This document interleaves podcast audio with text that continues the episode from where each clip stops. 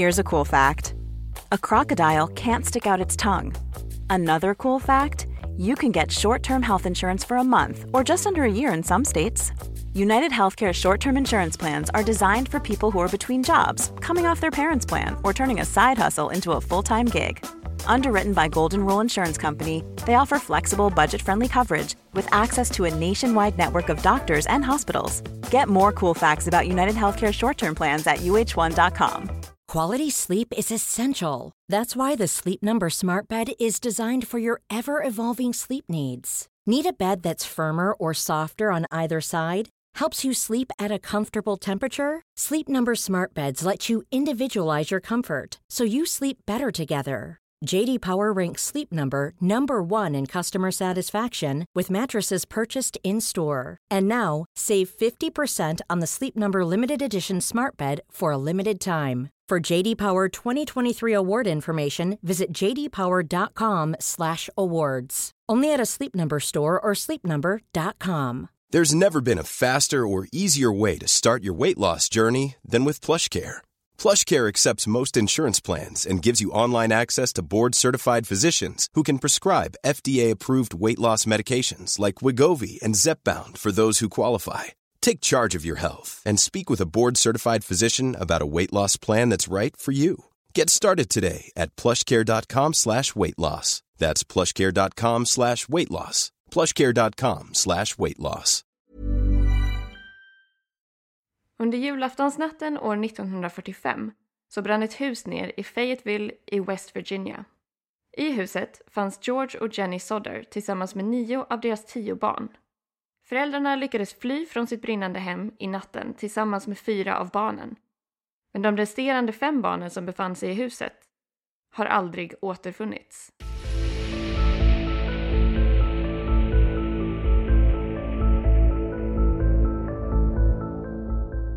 Och med det introt så vill vi hälsa alla varmt välkomna tillbaka till ett nytt avsnitt av Rysapodden. Och hur kul är det inte Annie att folk faktiskt har börjat hitta till vår podd nu?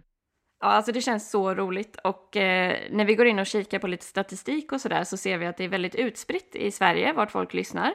Och eh, det finns till och med vissa som sitter och lyssnar utomlands och eh, oavsett vart ni befinner er så är vi jätteglada att ni tycker det är kul att lyssna och intressant. Och eh, det gör oss väldigt taggade att fortsätta. Ja, vi blir som sagt supertaggade och målet är ju att vi ska få ut ett avsnitt i veckan. Vi är ju inte där än, men vi jobbar stenhårt på att komma dit så fort som möjligt. Så att ni får ha lite tålamod med oss så länge helt enkelt. Ja, precis. Och um, givetvis så får ni se på Instagram och Facebook så fort det finns ett nytt avsnitt som ni kan lyssna på. Yes. Men jag tänker att nu vill jag dra igång med dagens avsnitt som är familjemysterier. Och mysterier är ju någonting som man älskar att hata. Man är så nyfiken på vad det är som har hänt och man blir så frustrerad när man inser att man inte får veta det. Eh, jag kommer ju prata om Beaumont-barnen senare. Men eh, vad ska du prata om idag Annie? Jag ska ju prata om en typisk sån där som du nämnde nyss, en eh, man vill så gärna veta vad som hände.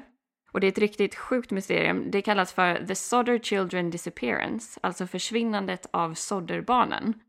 Och eh, jag hörde om den här för ganska länge sedan faktiskt, men jag har inte riktigt kunnat släppa eh, den här historien. För att det, det är jättemycket konstiga detaljer och man får inte riktigt ihop det och eh, det var jätteintressant att få grotta ner sig ännu mer i det här nu. Men då tycker jag att vi kör igång med din del av avsnittet på en gång Annie.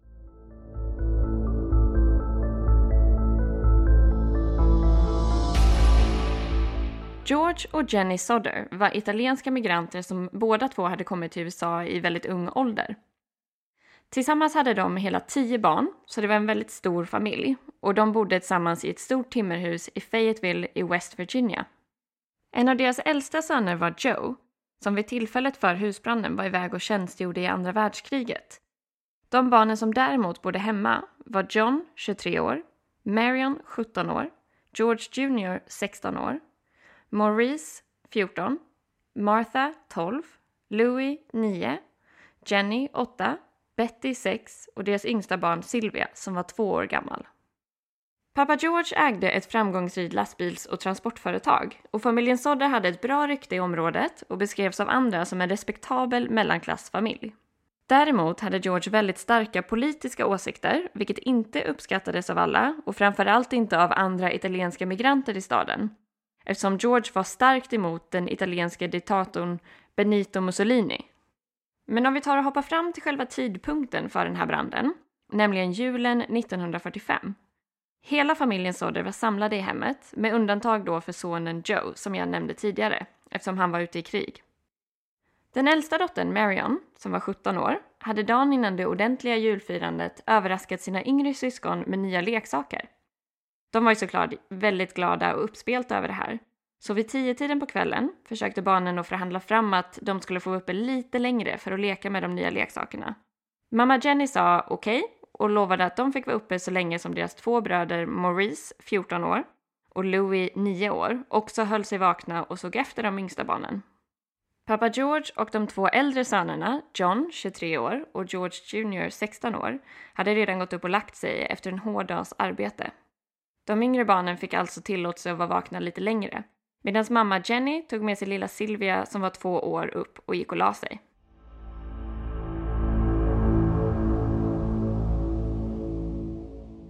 Vid halv ett på natten så vaknar Jenny av att telefonen ringer. Hon svarar och hörde då en okänd kvinnoröst som efterfrågar en person som Jenny inte kände igen. Hon kunde höra ljudet av andra röster i bakgrunden och ljudet av klirrande glas. Och när Jenny sa att de måste ha ringt fel nummer, då började kvinnan skratta innan samtalet sen avslutades.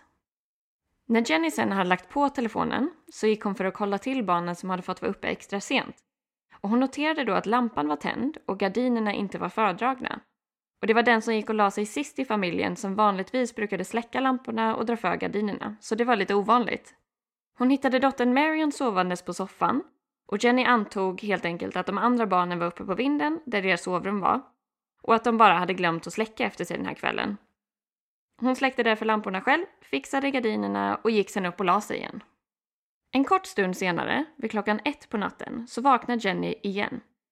Och den här gången av ett konstigt och högt ljud hon beskrev att det lät som att ett föremål träffade husets tak med en hög smäll och att det sen följdes av ett rullande ljud. Hon somnade däremot om ganska direkt. Men bara en halvtimme efter detta så väcktes Jenny återigen av en stark röklukt och hon insåg snabbt att det nu brann på Georges kontor i huset. Hon väckte sin man och de lyckades fly ut ur det brinnande huset tillsammans med fyra av sina barn.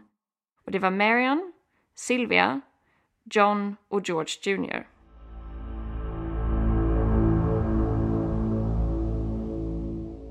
De barnen som var kvar i huset nu var alltså Maurice, 14, Martha, 12, Louis, 9, Jenny, 8 och Betty, 6 år. Och det var ju då de här barnen som hade fått vara vakna senare än normalt och som Jenny hade antagit hade gått och lagt sig utan att släcka efter sig. De familjemedlemmarna som hade tagit sig ut skrek och ropade förtvivlat i hopp om att väcka de andra barnen som de antog låg och sov uppe på vinden.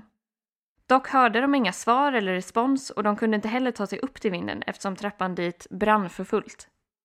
De försökte ringa efter hjälp, men konstigt nog fungerade inte deras telefon längre så dottern Marion sprang till en granne för att kunna ringa brandkåren.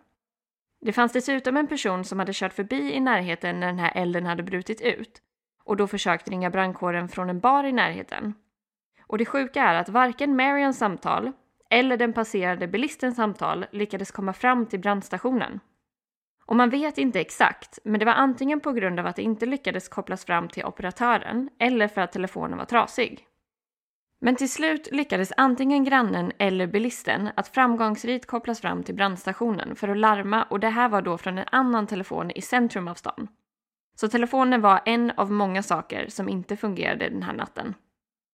En annan lösning de kom på var att de kunde använda en stege för att kunna nå upp till vinden. Familjens stege brukade alltid stå vilandes mot en av husväggarna. Men just vid det här tillfället så fanns den inte där och de kunde inte hitta den någonstans i närheten. Och de försökte också använda en stor tunna med vatten för att kunna släcka en del av branden åtminstone. Men den var helt förfrusen och gick alltså inte heller att använda. George kom på att han kunde ta sina lastbilar och köra fram dem nära husfasaden, sen klättra upp på de här och sen kunna nå upp till vinden. Men båda två lastbilarna hade fungerat fint dagen innan, men just den här natten gick ingen av dem att starta. Alltså förlåt, men jag tycker att det känns som att det är väldigt mycket otur på en och samma gång. Det känns lite som att här är det någonting som inte går helt rätt till. Nej, verkligen. Det är en sak efter den andra och det, är, det är det som gör det här så himla sjukt. För att det kan man ha så här mycket otur? Nej, nej, nej, det kan man inte. Men eh, till slut fanns i alla fall ingenting mer som familjen kunde göra och eh, de fick helt enkelt stå helt handfallna och hjälplösa och se sitt hem brinna ner under de nästkommande 45 minuterna samtidigt som de visste att fem av deras barn fortfarande fanns inne i huset.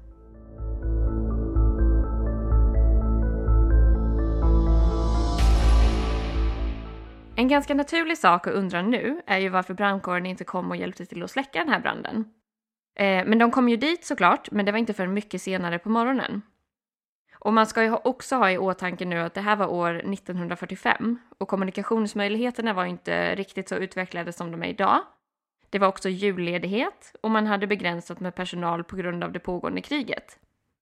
Brandchefen i stan, F.J. Morris, uttalade sig senare om att de blev ännu mer försenade till platsen eftersom att han själv inte hade befogenhet att kunna köra brandbilen och han var därför tvungen att invänta annan personal som kunde köra bort till huset. Jag måste bara säga att jag tycker att det är jättekonstigt att en brandchef inte har befogenhet att köra en brandbil. Ja, och inte bara du. Det är en av de vanligaste diskussionspunkterna i det här ämnet. Att varför skulle han inte kunna köra en brandbil? Men ja, det är svårt att veta. Men i alla fall, eh, på grund av att det tog så otroligt lång tid för dem att komma dit så fanns det inte så mycket mer för brandkåren att göra än att undersöka askan och det som fanns kvar av huset. Vid klockan tio på förmiddagen sa brandchefen Morris att de inte hade lyckats hitta några benrester överhuvudtaget bland askan i huset. Vilket såklart verkar lite konstigt eftersom att barnen skulle ha funnits kvar i huset och man rimligtvis borde ha hittat benrester från deras kroppar på plats. Men brandchefen var helt övertygad om att hettan från branden hade varit så extrem att den hade bränt kropparna totalt och därmed inte heller lämnat kvar några rester och att kropparna i princip hade blivit kremerade.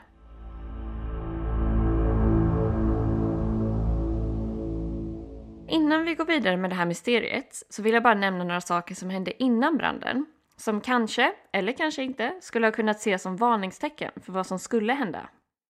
En av de här sakerna skedde ungefär två månader innan branden, i oktober 1945.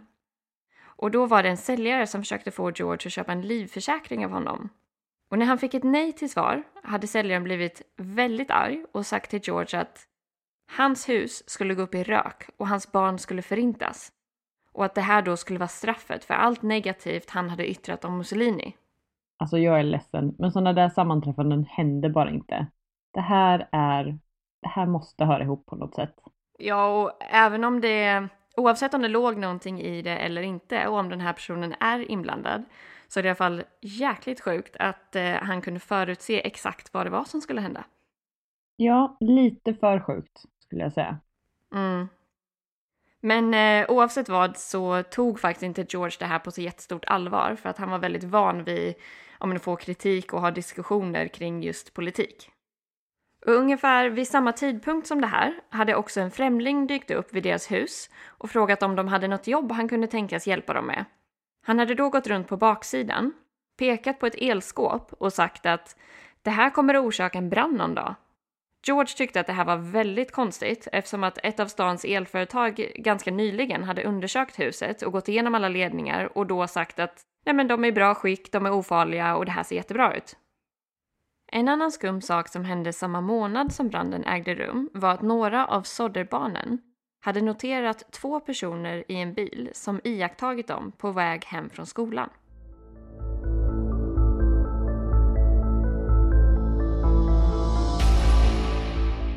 Fyra dagar efter branden bestämde sig George för att han skulle riva det som fanns kvar av huset och bygga en minnesplats för sina avlidna barn eftersom familjen inte längre ville bli påminda om den här branden. Själva brandutredningen har nu i efterhand bedömts som väldigt hastig och kanske till och med lite slarvig och till slut fastställde man att branden utlöstes av dåliga ledningar. Familjen Sodder tvivlade dock väldigt starkt på det här och började ifrågasätta vad som faktiskt hade hänt den här julaftonsnatten.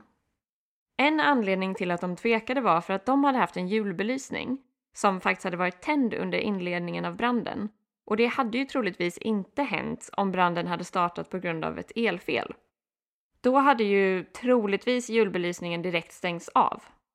Och som jag nämnde innan så hade ju familjen också haft ett elföretag på besök som hade kikat på ledningarna och sagt att allting såg väldigt bra ut. En annan ganska sjuk sak var att en av dem som hade suttit för, ja, vad ska man säga, juryn för den här utredningen var samma försäljare som hade besökt George och familjen två månader innan branden och då blivit väldigt arg när han hade fått ett nej och sagt att huset skulle gå upp i rök och barnen skulle förintas.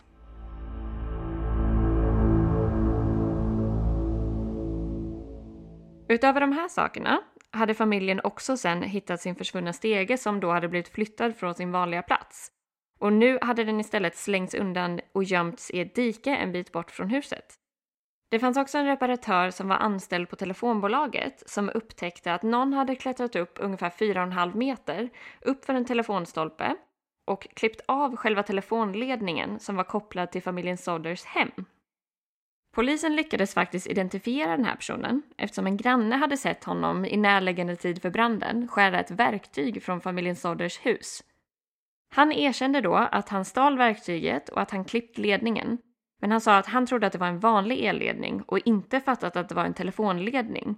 Och han hade ingenting att göra med branden och han blev sen frisläppt. Det är så sjukt. Så de bara, okej, okay, nej men då så, då, då får det gå då. Ingenting om varför han klippte den här ledningen, utan hejdå. Ja, ungefär så. Det är jättefrustrerande för att eh, oavsett vilken ledning han klippte så är det så här, han har ju klättrat upp och han har verkligen gjort sig besvär för att klippa den här. Och ehm, ja, nej, det är jättekonstigt hela grejen. Men eh, och sen så fanns det faktiskt inga eh, om en dokument som kunde styrka den här personens identitet heller. Så det, det är ett spår som bara försvann eller kanske slarvades bort. Eh, så det är polisarbete at its finest.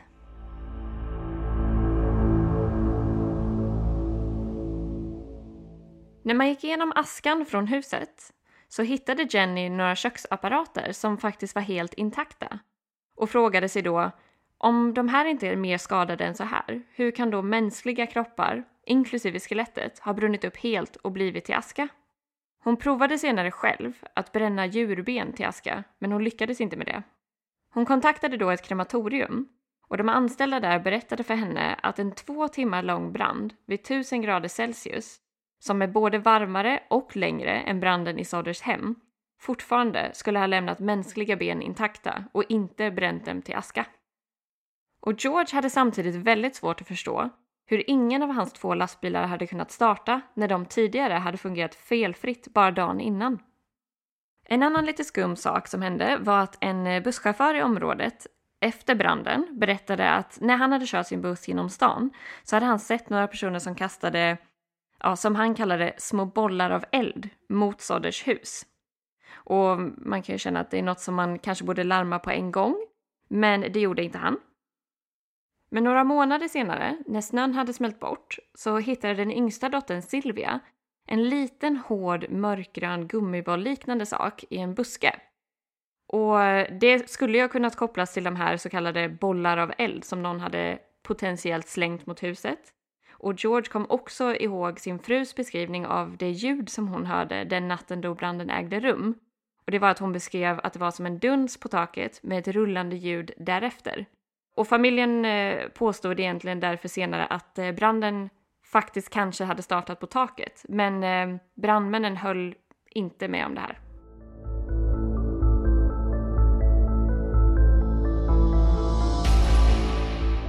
Två år efter branden så valde Jenny och George att kontakta FBI för att informera om att de hade misstankar kring hela den här utredningen och för att be om hjälp.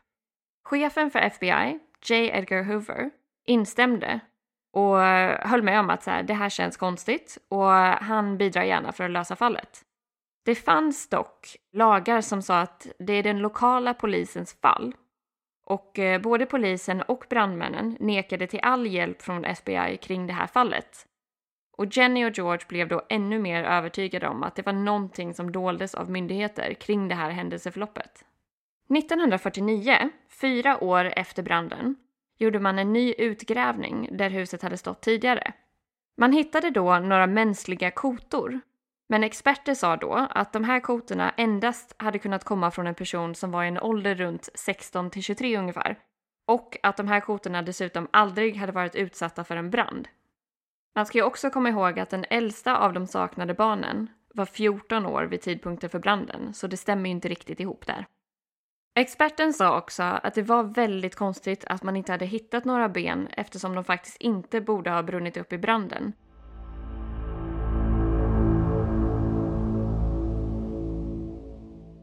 Ja, jag sa att det här var ett riktigt sjukt mysterium.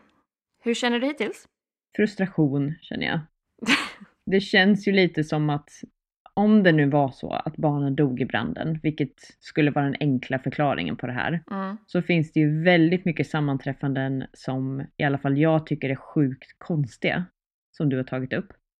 Och jag tycker dessutom att om nu FBI erbjöd sig att hjälpa till och man som myndighet inte har någonting att dölja, så ser jag inte varför man inte tar emot den hjälpen som erbjuds. Mm. Ponera att de inte dog i branden då. Vad ska ha hänt då? Det är det det finns ganska mycket mm, frågetecken kring. För att det finns några personer i området som påstår sig ha sett de här saknade barnen i eh, ett fordon samma natt som branden ägde rum och att barnens huvud då liksom stack ut ur bilfönstret. Och många påstår sig också ha sett de här barnen efter själva branden, men det har verkligen inte lett till någonting konkret. Och dagen efter branden så påstår sig en kvinna som arbetar på en vägkrog cirka åtta mil från huset att hon hade serverat barnen frukost och att de hade åkt i en bil med registreringsskyltar som tillhörde delstaten Florida. Och en annan kvinna eh, drev ett hotell som hette Charleston Hotel och hon påstod sig ha sett barnen ungefär en vecka efter branden. Och hon kommer inte ihåg exakt datumet, men eh, de här barnen hade kommit in tillsammans med två män och två kvinnor enligt henne. Och alla såg enligt den här kvinnan italienska ut. Och när kvinnan försökte prata med de här barnen så vände sig en av männen mot henne med ett fientligt beteende. Och hon sa att han vände sig mot mig och började tala på snabb italienska. Och direkt så slutade hela gruppen att tala med mig. De bodde på det här hotellet under en natt. Och eh, de checkade in runt midnatt och sen åkte de tidigt morgonen därpå. Och efter de här vittnesmålen så har flera personer påstått sig ha sett barnen på olika typer av platser. Och George och Jenny har såklart också letat otroligt mycket efter sina barn. Och flera år efter branden fick George se en bild på en ballerina och han blev helt övertygad om att det var hans försvunna dotter Betty. Så han körde upp till New York där eh, den här balettdansösen skulle finnas men eh, han fick inte tillåtelse att träffa henne. Det fanns också en kvinna som skrev ett brev till George och berättade då om en man som på fyllan ska ha berättat att han var Louis Sodder som var nio år vid tidpunkten för den här branden. Och han påstår sig ha bott där med sin bror Maurice. Så George och hans svärson reste genast dit, men de kunde inte lokalisera den här kvinnan som hade skrivit brevet. Och efter att de hade kontaktat den lokala polisen så fick de till slut kontakt med mannen som hade beskrivits i det här brevet. Och den här mannen nekade totalt till att eh, det här samtalet ens hade ägt rum och att han skulle vara Louis. Och svärsonen sa att George var inte helt övertygad om att det inte var Louis och att han tog med sig det här tvivlet till sin dödsbädd.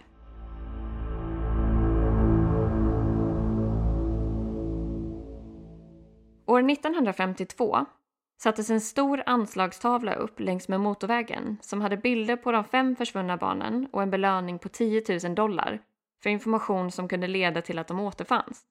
Den här tavlan blev en hemsk symbol för alla som åkte längs motorvägen under flera årtionden framöver och den ledde tyvärr heller aldrig fram till någon ny information om det här. 15 år senare, år 1967, så fick Jenny Sodder hem ett brev som innehöll ett eh, foto på en man som faktiskt liknade ett av de saknade barnen, nämligen Louis Sodder. Och på baksidan av det här fotot stod det Louis Sodder I love brother Frankie och vad som ser ut som Lil Boys följt av A 901 och sen siffrorna 32 eller 35.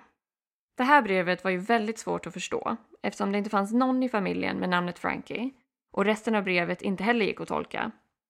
Familjen hyrde sedan en privatdetektiv för att kunna hjälpa till att spåra brevet men den här mannen beslutade sig istället för att rymma med pengarna istället för att göra jobbet. Så tyvärr blev de lite blåsta där.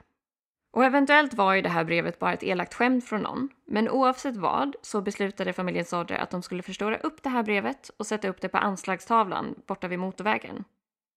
Och det här kodade brevet var den sista ledtråden de någonsin skulle få.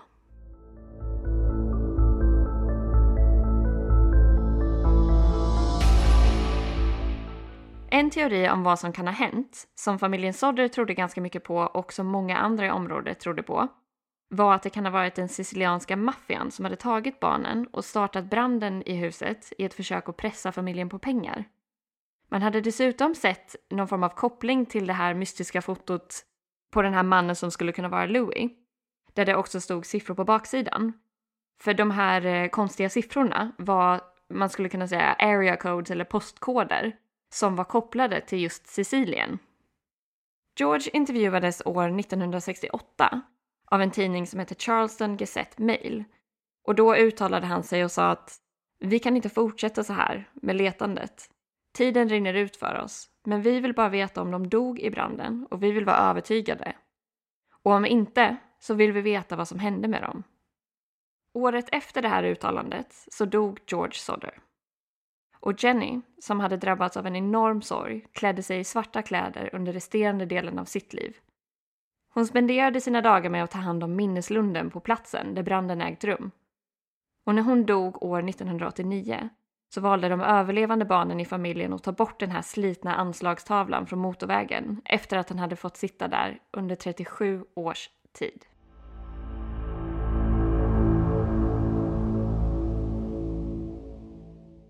Det är precis det här jag menar med mysterier. Alltså man älskar ju att hata dem. Jag är så frustrerad nu. Dog de i huset eller dog de inte? Ja, det är ju lite det här som man verkligen eh, vill ha svar på. Och man blir inte klokare av att läsa mer kan jag lova. Nej, det känns som att man virrar in sig mer och mer.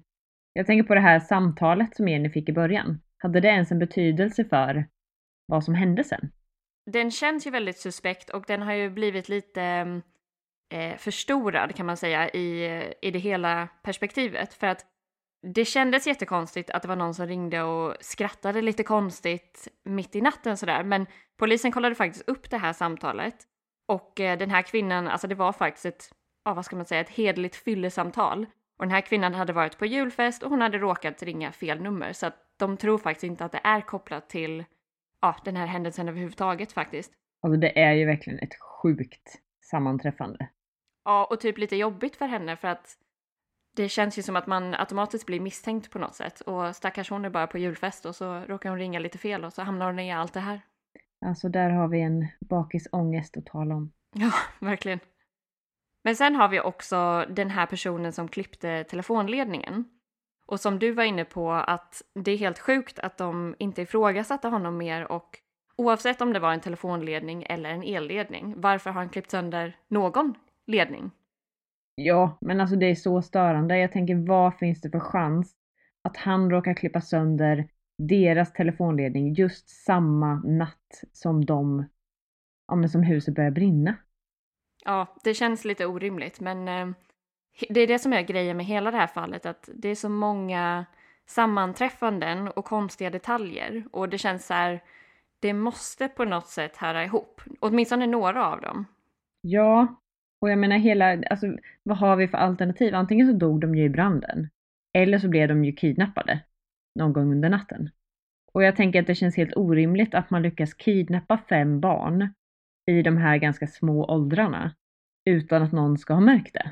Ja, och de, de var ju ganska små, men vissa av dem var ändå i en sån ålder att man hade kunnat ja, men göra motstånd. Att så här, runt tioårsåldern så kan du ändå göra lite motstånd och du kommer ju skrika om någon kommer och försöker ta dig från ditt hem. Så, och det är också det att eh, Marion, hon var ju 17 och hon låg och sov på soffan. Och att man ska ha kunnat få ut fem barn ur ett hus som kanske inte vill gå ut därifrån och utan att väcka henne.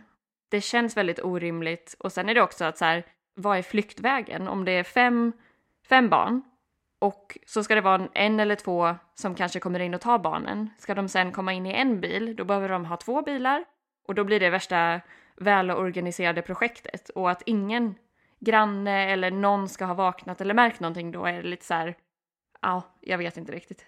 Nej, och jag tänker att om man nu skulle ha lyckats med hela den här grejen att kidnappa de här fem barnen, då är frågan, vad hände sen? Alltså för att de barnen levde.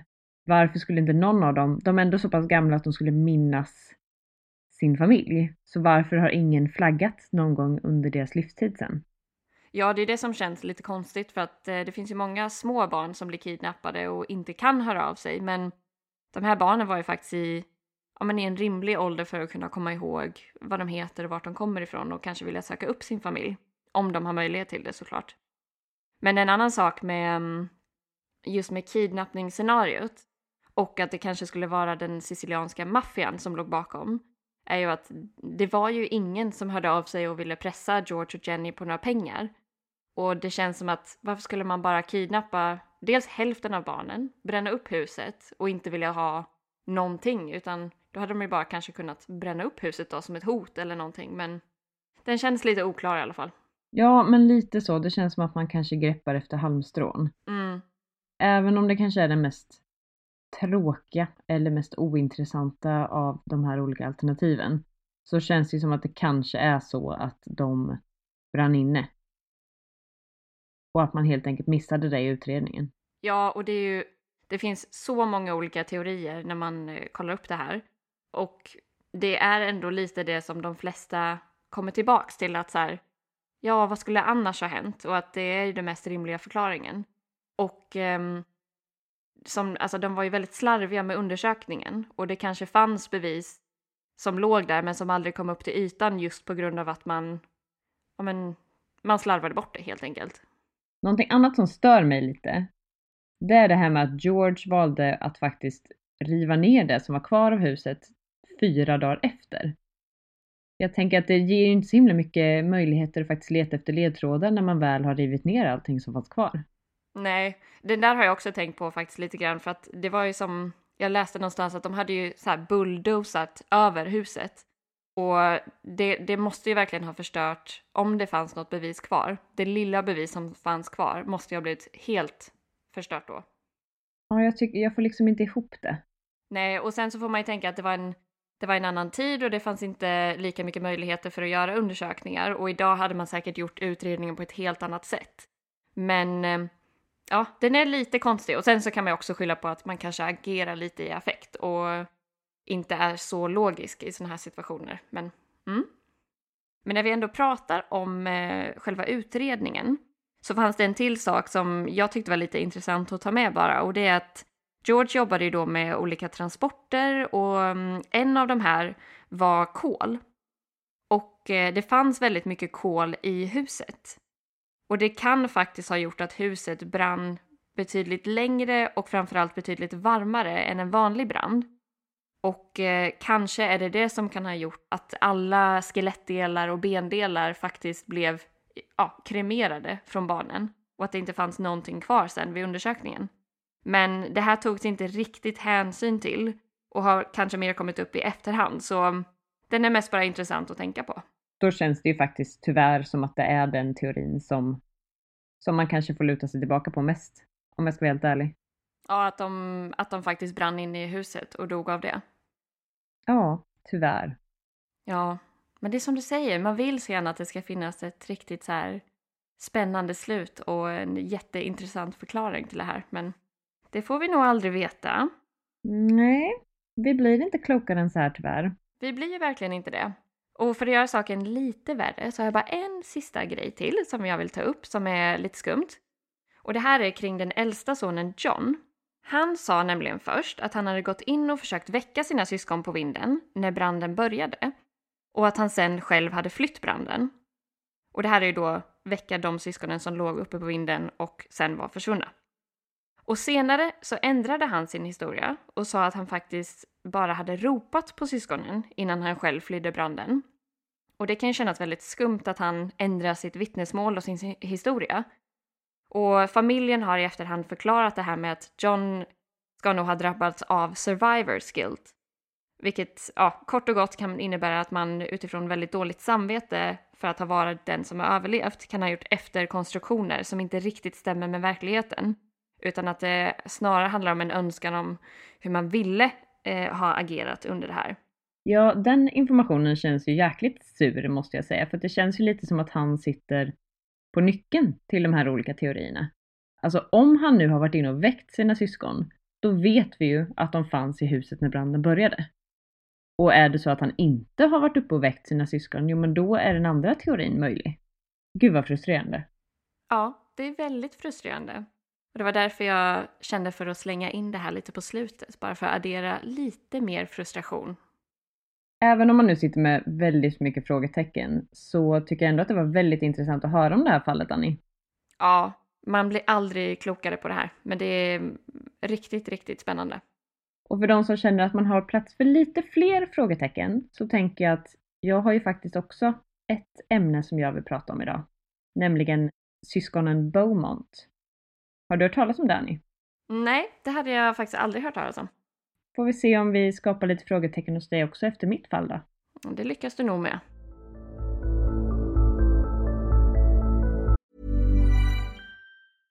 Hey, I'm Ryan Reynolds. At Mint Mobile, we like to do the opposite of what Big Wireless does. They charge you a lot, we charge you a little. So naturally, when they announced they'd be raising their prices due to inflation, we decided to deflate our prices due to not hating you. That's right. We're cutting the price of Mint Unlimited from $30 a month to just $15 a month. Give it a try at mintmobile.com slash switch. $45 upfront for three months plus taxes and fees. Promote for new customers for limited time. Unlimited more than 40 gigabytes per month. Slows. Full terms at mintmobile.com.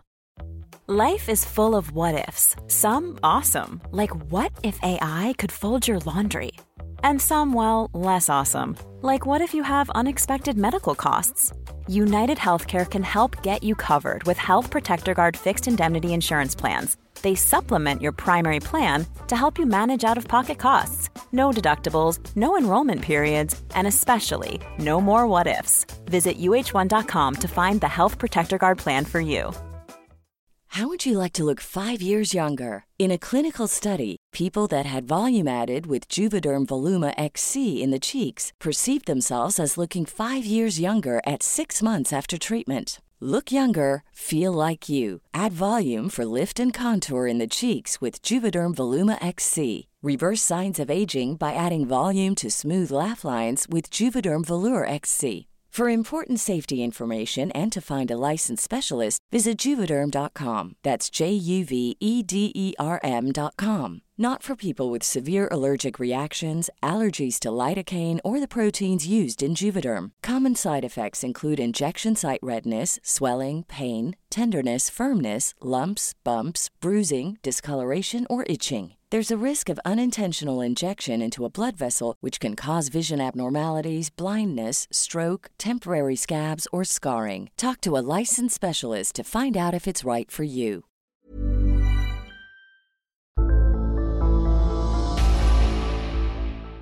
Jag ska alltså prata om fallet med de försvunna syskonen Beaumont. Och det här fallet skakade Australien och beskrivs som fallet som tog oskyldigheten ifrån landet. Fallet är fortfarande ett av Australiens mest ökända mysterier. Året var 1966 och det var en varm dag i Adelaide, Australien. Syskonen Beaumont, som bestod av Jane, 9 år, Anna, 7 år och Grant, 4 år, tog den lokala bussen för att åka den 5 till 10 minuter korta resan till Glenelg Beach som så många gånger förut. Det var inte främmande på den tiden att barnen fick åka själv ner till stranden och syskonen lämnade hemmet cirka 10 på morgonen och de skulle vara hemma senast två på eftermiddagen. Jane, Anna och Grant kom aldrig hem. De försvann utan ett spår. Ingen såg något, ingen hörde skrik och inga kroppar har återfunnits. 26 januari 1966 var sista gången någon såg de tre syskonen Beaumont.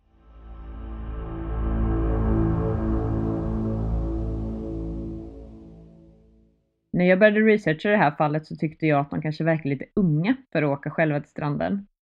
Men enligt de källor som jag har hittat så var det inte helt ovanligt på den tiden i Australien. Och det beskrevs som att det var en helt annan tid för barn, där de var ute och lekte under dagarna och så skulle de vara hemma innan det blev mörkt.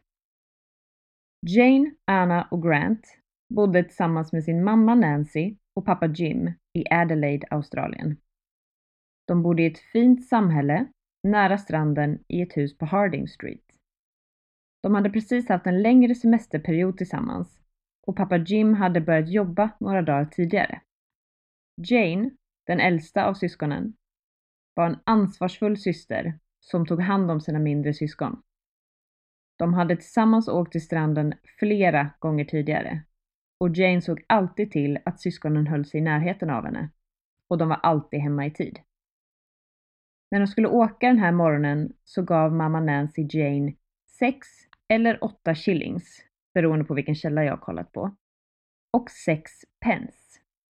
Och det här skulle vara tillräckligt för bussresan ner till stranden och för att de skulle få köpa sig någonting litet att äta. Jane tog emot pengarna och stoppade ner dem i sin lilla vita handväska som hon alltid hade med sig. När syskonen Beaumont inte kom hem i tid så blev Nancy först inte orolig. Hon antog att de hade blivit sena och hade tagit nästa buss hem som skulle komma strax efter klockan två. Men när pappa Jim kom hem från jobbet vid tre så har syskonen fortfarande inte kommit hem. Föräldrarna börjar söka efter barnen och Jim åker ner till stranden och letar. Och de besökte även vänner till barnen för att se om de var där. När eftermiddag börjar gå mot kväll och Jane, Anna och Grant fortfarande inte har synts till så väljer de att anmäla dem som saknade till polisen.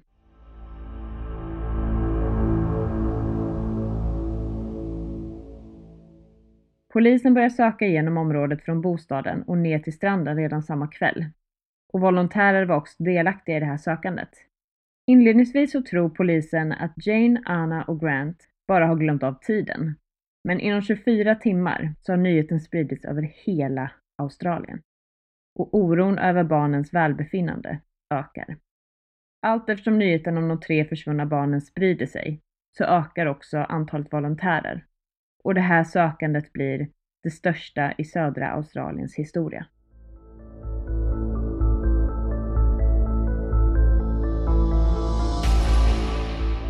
Det var många vittnen som trädde fram och utifrån de här vittnena har man kunnat pussla samman de sista timmarna innan barnen försvann spårlöst. Det var vittnen som beskrev att de hade sett de tre barnen på stranden och att de hade sprungit ner i vattnet direkt när de kom fram. De hade sen blivit sedda när de lekte på gräsmattan med vattenspridare i anslutning till stranden. Vittnen hade också sett barnen i sällskap med en lång man med smalt ansikte och kort hår. Enligt vissa verkade han vara i 30-årsåldern. Barnen lekte med honom och det var ingen som reagerade på att det skulle vara någon form av hotfull situation. Och mannen ska också ha frågat några som satt i närheten om de hade sett några försvunna pengar. Senare finns det vittnen som har sett barnen lämna stranden tillsammans med mannen och gå mot Wenzells bageri, där barnen alltid brukade köpa sin lunch när de hade varit på stranden.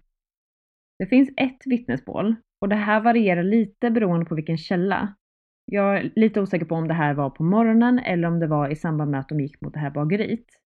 Och anledningen till varför det varierar tror jag är för att som, som jag har förstått det så har vittnet själv ringt och ändrat sin utsaga vad gäller när han tror att han såg barnen. Men oavsett vad så är det här vittnesmålet från en lokal brevbärare som kände barnen. Och han säger sig ha sett barnen på gatan den dagen och Grant ska då ha vinkat glatt till brevbäraren innan de korsade vägen. Men som sagt, lite oklart när på dagen det här skedde. Det är dock bekräftat att barnen efter stranden gick in på Wenzells bageri och att Jane då beställde tre kakor och en köttpaj som hon ska ha sagt var till mannen. Jane lämnade fram en enpundssedel, vilket på den tiden är ganska mycket pengar. Och då vill jag också passa på att uppmärksamma er lyssnare på att Jane hade fått 6 till 8 shilling och 6 pence av sin mamma. Så vart kom den här enpundssedeln ifrån? Den här enpundssedeln och att de köpte en köttpaj tolkar polisen som att mannen fortfarande var med syskonen vid lunchtid. Efter att de tre syskonen lämnar bageriet så försvinner också spåren efter Jane, Anna och Grant. De här vittnesmålen har polisen kunnat fastställa som sannolika, men det finns många vittnen som säger sig ha sett barnen på eftermiddagen, men de har inte bedömts vara lika tillförlitliga. Barnen hade den här dagen tillsammans haft med sig 17 föremål, inklusive klädesplagg, handdukar och en väska. Ingen av de här föremålen har någonsin återfunnits.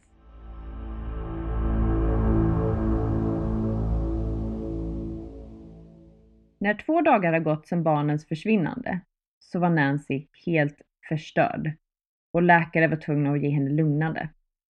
I hemmet så samlades nära och kära för att stötta varandra. Och efter fem dagar så vädjar Jim i nationell TV om att hans barn ska komma tillbaka. När han vänder sig till kameran och ber om att den som har hans barn ska återlämna dem till familjen, så bryter han ihop. En månad efter att barnen försvann så betalar en lokal affärsman för att flyga ner ett känt holländskt medium vid namn Gerard Crosset, som har hjälpt polisen i många fall tidigare. Gerard trodde att barnens kroppar fanns begravda under en lagerlokal som precis hade byggts. Polisen trodde inte på det här, men allmänheten samlade ihop tillräckligt med pengar för att man skulle riva ner den här byggnaden och söka igenom området. Ingenting hittades och barnen var fortsatt försvunna. 1968, alltså två år efter försvinnandet, så får Jim och Nancy ett brev på posten från någon som påstår sig vara Jane, den äldsta av syskonen. I brevet så står det att de har blivit tagna av en man och att de nu bor i Victoria. Brevet innehöll också instruktioner om att möta upp på en specifik plats och att de då skulle få tillbaka sina barn. Jim och Nancy åkte självklart dit, men tyvärr dök ingen upp. Strax därefter så kom det ett brev till där det stod att de hade sett en polis i närheten och därför beslutade de sig för att inte dyka upp. Flera år senare ska det dock komma fram att det här var brev som bara var ett elakt skämt från en då tonårig kille som inte hade någonting med familjen att göra. Och det här trots att experter tidigare hade påstått att det ena brevet absolut bör ha varit skrivet av Jane.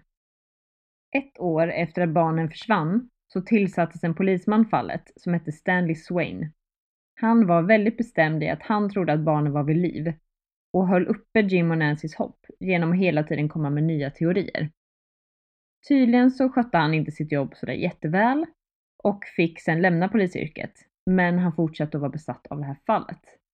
Och 1996, alltså 30 år efter att barnen hade försvunnit, så påstod Swain att han hade hittat en kvinna i 40-årsåldern i Canberra som var Jane Beaumont. Swain sa också att han trodde att barnen hade blivit tagna av en satanistisk kult. Kvinnan i Canberra spårades och visade sig vara en kvinna med psykiska problem och visade sig inte vara Jane. Swain dog senare, fortfarande besatt av fallet och ska strax innan sin död ha sagt att han vet vart barnen är begravda. Att en präst ska ha sagt till honom att de var begravda på en kyrkogård i Adelaide. Allt eftersom veckorna och månaderna gick så drog sig Nancy och Jim undan från rampljuset. De slutade tala ut i media och ville inte vara delaktiga i intervjuer. I början av 70-talet så separerade Jim och Nancy Beaumont. De behöll dock sitt hus på Harding Street i hopp om att barnen en dag skulle återvända. Nu på senare år har de dock valt att sälja det. 1990, 23 år efter barnens försvinnande, så publicerades datagenererade bilder av hur Jane, Anna och Grant hade sett ut då. Nancy ska då ha vägrat titta på de här bilderna och båda föräldrarna var förkrossade över att bilderna publicerades.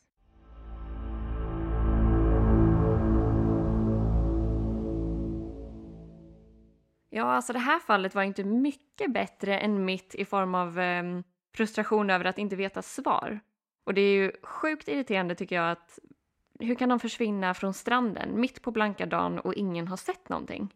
Nej, jag vet. Det är jätte, jättekonstigt. Jag tycker att det är precis lika mycket frågetecken här. Men har de, eh, har de hittat någon som har blivit misstänkt för det här? Ja, inte bara någon. Man har hittat ganska många misstänkta. Och jag har försökt att korta ner det och ta fram de som jag har hittat som verkar vara de främsta misstänkta i det här fallet. Mm. Den första misstänkta är Bevan Spencer von Einem och han blev 1984 dömd till livstidsfängelse för mordet på 15-åriga Richard Kelvin. Och polis och åklagare misstänkte att Bevan hade medhjälpare och eventuellt var involverad i flera mord. Han blev misstänkt i försvinnandet av Jane, Anna och Grant efter att en annan person i fängelse sa att Bevan hade skrutit om att han hade tagit tre barn från stranden flera år tidigare och tagit hem dem för att göra experiment på dem. En av barnen ska då ha dött och då ska han ha dödat de andra två och gömt deras kroppar i skogen. Problemet med den här misstänkta är att han var 20 år när barnen försvann och det stämmer inte riktigt överens med den beskrivning som man har sett av den mannen som var med barnen. Hans val av kända offer är ju också äldre och killar. Men han är inte utesluten som misstänkt. Nästa misstänkt är Arthur Brown och han blev misstänkt 1998 när han var 86 år gammal. Och det blev han i samband med att han åtalades för morden på systrarna Judith, 7 år, och Susan, 5 år. Systrarna försvann på vägen till skolan den 26 augusti 1970 och deras kroppar hittades några dagar senare. De hade blivit strypta till döds. Arthur var också väldigt lik fantombilden som gjordes av mannen på stranden. Det finns ett vittne som vid tiden av försvinnandet av Jane, Anna och Grant var 14 år gammal. Och hon säger sig ha sett en man som bar på en liten flicka och att en något äldre flicka oroligt följde efter honom. Hon såg den här mannen en kort stund och när Arthur, 25 år senare, blev aktuell för det andra mordet så identifierade hon Arthur som mannen som hon hade sett som bar på den lilla flickan. Tydligen så är det så att Arthur inte har förändrats nämnvärt i utseende och det bedömdes möjligt att man skulle ha kunnat peka ut honom efter den här tiden. Den här flickan ska också ha sett att mannen bar på ett par speciella glasögon och de var Arthur känd för att bära. Man har dock aldrig kunnat bevisa att Arthur ska ha varit mannen på stranden. En tredje misstänkt är Derek Percy och han är en dömd pedofil och mördare som dog i fängelse 2013. Derek hade psykiska problem, varav en del av hans problem var att hans minne påverkades. Och han ska själv ha indikerat att han skulle ha kunnat mörda Jane, Anna och Grant. Men att han inte minns att han skulle ha gjort det. Och även här har man misslyckats med att knyta honom till syskonen. Sen kommer det lite ny information som leder till ytterligare en misstänkt. Och av de källor som jag har kollat på så verkar det som att väldigt många tror att det här är gärningsmannen. Det är nämligen så att 2007 så väljer en man vid namn Hayden att kontakta polisen och berätta om sina misstankar kring sin pappas möjliga involvering i syskonen Bowmans försvinnande. Han berättar att hans pappa under hans uppväxt har varit våldsam och också utsatt honom för sexuella övergrepp fram tills dess att han blev tonåring och då kunde försvara sig själv. Hayden berättar också att han ska ha sett Jane, Anna och Grant hemma tillsammans med hans pappa och sen sett dem alla åka iväg tillsammans i pappans bil. Haydens pappa var Harry Phipps, en framgångsrik affärsman som dog 2004. När polisen år 2007 får den här informationen så väljer de att inte gå vidare med den. Men 2013 så får en författare tag i den här informationen och skriver boken The Satin Man. Titeln på den här boken kommer från det faktum att Hayden ska ha sagt att hans pappa tände på silke. När författaren hade skrivit den här boken så gav han all information till polisen. Och i samband med det här så väcktes nya misstankar. Och då träder också två bröder fram. De hade nämligen varit tonåringar vid tillfället för försvinnandet och de försökte jobba ihop pengar för att köpa en bil. Och då hade de fått ett jobb att gräva ett stort hål på ett fabriksområde ägt av ingen mindre än Harry Phipps. De hade skämtat om det här flera år senare, att de hade grävt vad som liknade en grav. Och utifrån de här misstankarna som kom så gjorde Channel 7 ett program om barnens försvinnande och valde att gräva upp en stor del av fabriksområdet som ägdes av Harry Phipps. Och den här dokumentären finns att se på Youtube så att den kanske vi kan länka sen på Facebook. Tyvärr ledde inte det här sökandet till några större fynd, men fem år senare, alltså 2018, så gjorde Channel 7 ytterligare en grävning i området. Men fortfarande så hittade man inga mänskliga kvarlevor.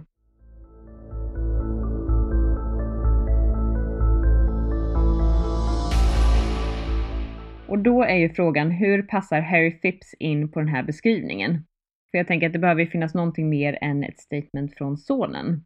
Och då är det nämligen så här att Harry bodde på gångavstånd till både stranden och bageriet där Jane, Anna och Grant sågs senast. Harry var också känd för att alltid bära enpundssedlar, vilket var vad Jane hade betalat maten med. Och en sån sedel hade hon ju, som ni uppmärksamma lyssnare kanske har tänkt på, inte fått från sin mamma. Och här kan man ju då tänka att ja, men om ni kommer ihåg beskrivningen av den här mannen på stranden så frågade ju han några badgäster om de hade sett några försvunna pengar.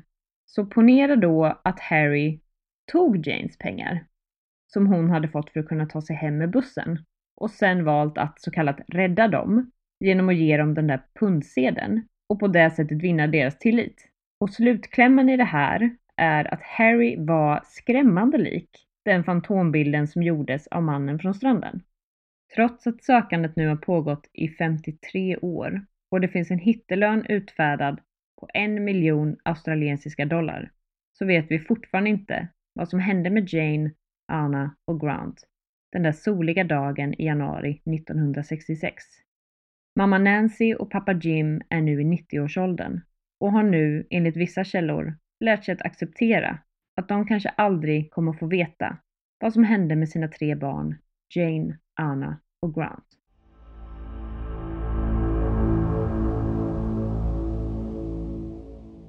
Okej okay, Annie, låt höra. Vem tror du är den huvudmisstänkta i det här fallet? Alltså det är väldigt svårt att inte misstänka just Harry eftersom att det verkar finnas ganska mycket olika bevis som, ja, men som pekar på honom som gärningsman.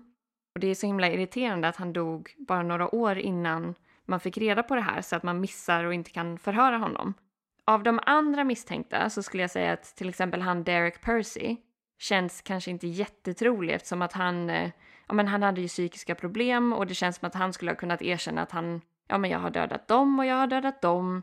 Och det känns som att det finns ingenting som knyter honom och att det är lite sådär, man, man greppar efter vad man nu kan få. Men så tycker jag att det är med Bevan Spencer von Einem också. Att det är, det är inte helt, det är inte den målgruppen han har eh, utsatt och det är inte, nej men det, det, passar liksom inte in på beskrivningen av den här gärningsmannen tycker inte jag. Nej, men eh, om, eh, av de andra som inte är Harry så tycker jag ändå att Arthur Brown är ändå lite intressant för att en 14-årig tjej som kan peka ut någon så pass länge efter också. Jag tror ändå att det är ganska starkt vittne. Det är inte som att det är en treåring liksom, utan... Ja, och jag tänker att han hade ändå gett sig på två systrar i ungefär samma ålder. Och det var bara ett par år efter att syskonen Beaumont försvann. Mm. Så Harry eller Arthur är våra starka kort alltså. Ja, men jag tror faktiskt att de, de får vara våra huvudmisstänkta. Och som vanligt tänkte jag säga, men eh, vi kommer ju aldrig få veta. Nej, vi får leva i den här ovissheten precis som alla andra där ute. Och jag tänker rent spontant att nästa avsnitt, då ska vi ha någonting superkonkret och jättelöst med inga frågetecken och så vi kan gå och lägga oss och sluta fundera. Alltså jag tänker precis samma sak. Det ska inte finnas några tvivel om vem som har gjort vad i nästa fall. Nej, för att kompensera lite grann. Men det är ändå väldigt spännande att prata om mysterium och det är ju hatkärleken lever kvar och um, det finns mycket mer att grotta ner sig i de här fallen för de som är intresserade. Det gör det absolut. Och som vanligt kommer vi att dela lite bilder och material på vår Instagram och vår Facebook. Och på båda de kanalerna heter vi Rysarpodden. Sen har vi också en mail om ni skulle vilja höra av er eh, där och där heter vi rysarpodden gmail.com. Så ni får jättegärna höra av er på vilken kanal ni vill. Det får ni jättegärna göra. Och slutligen vill vi bara passa på att säga tusen tack för att ni har valt att lyssna på det här avsnittet.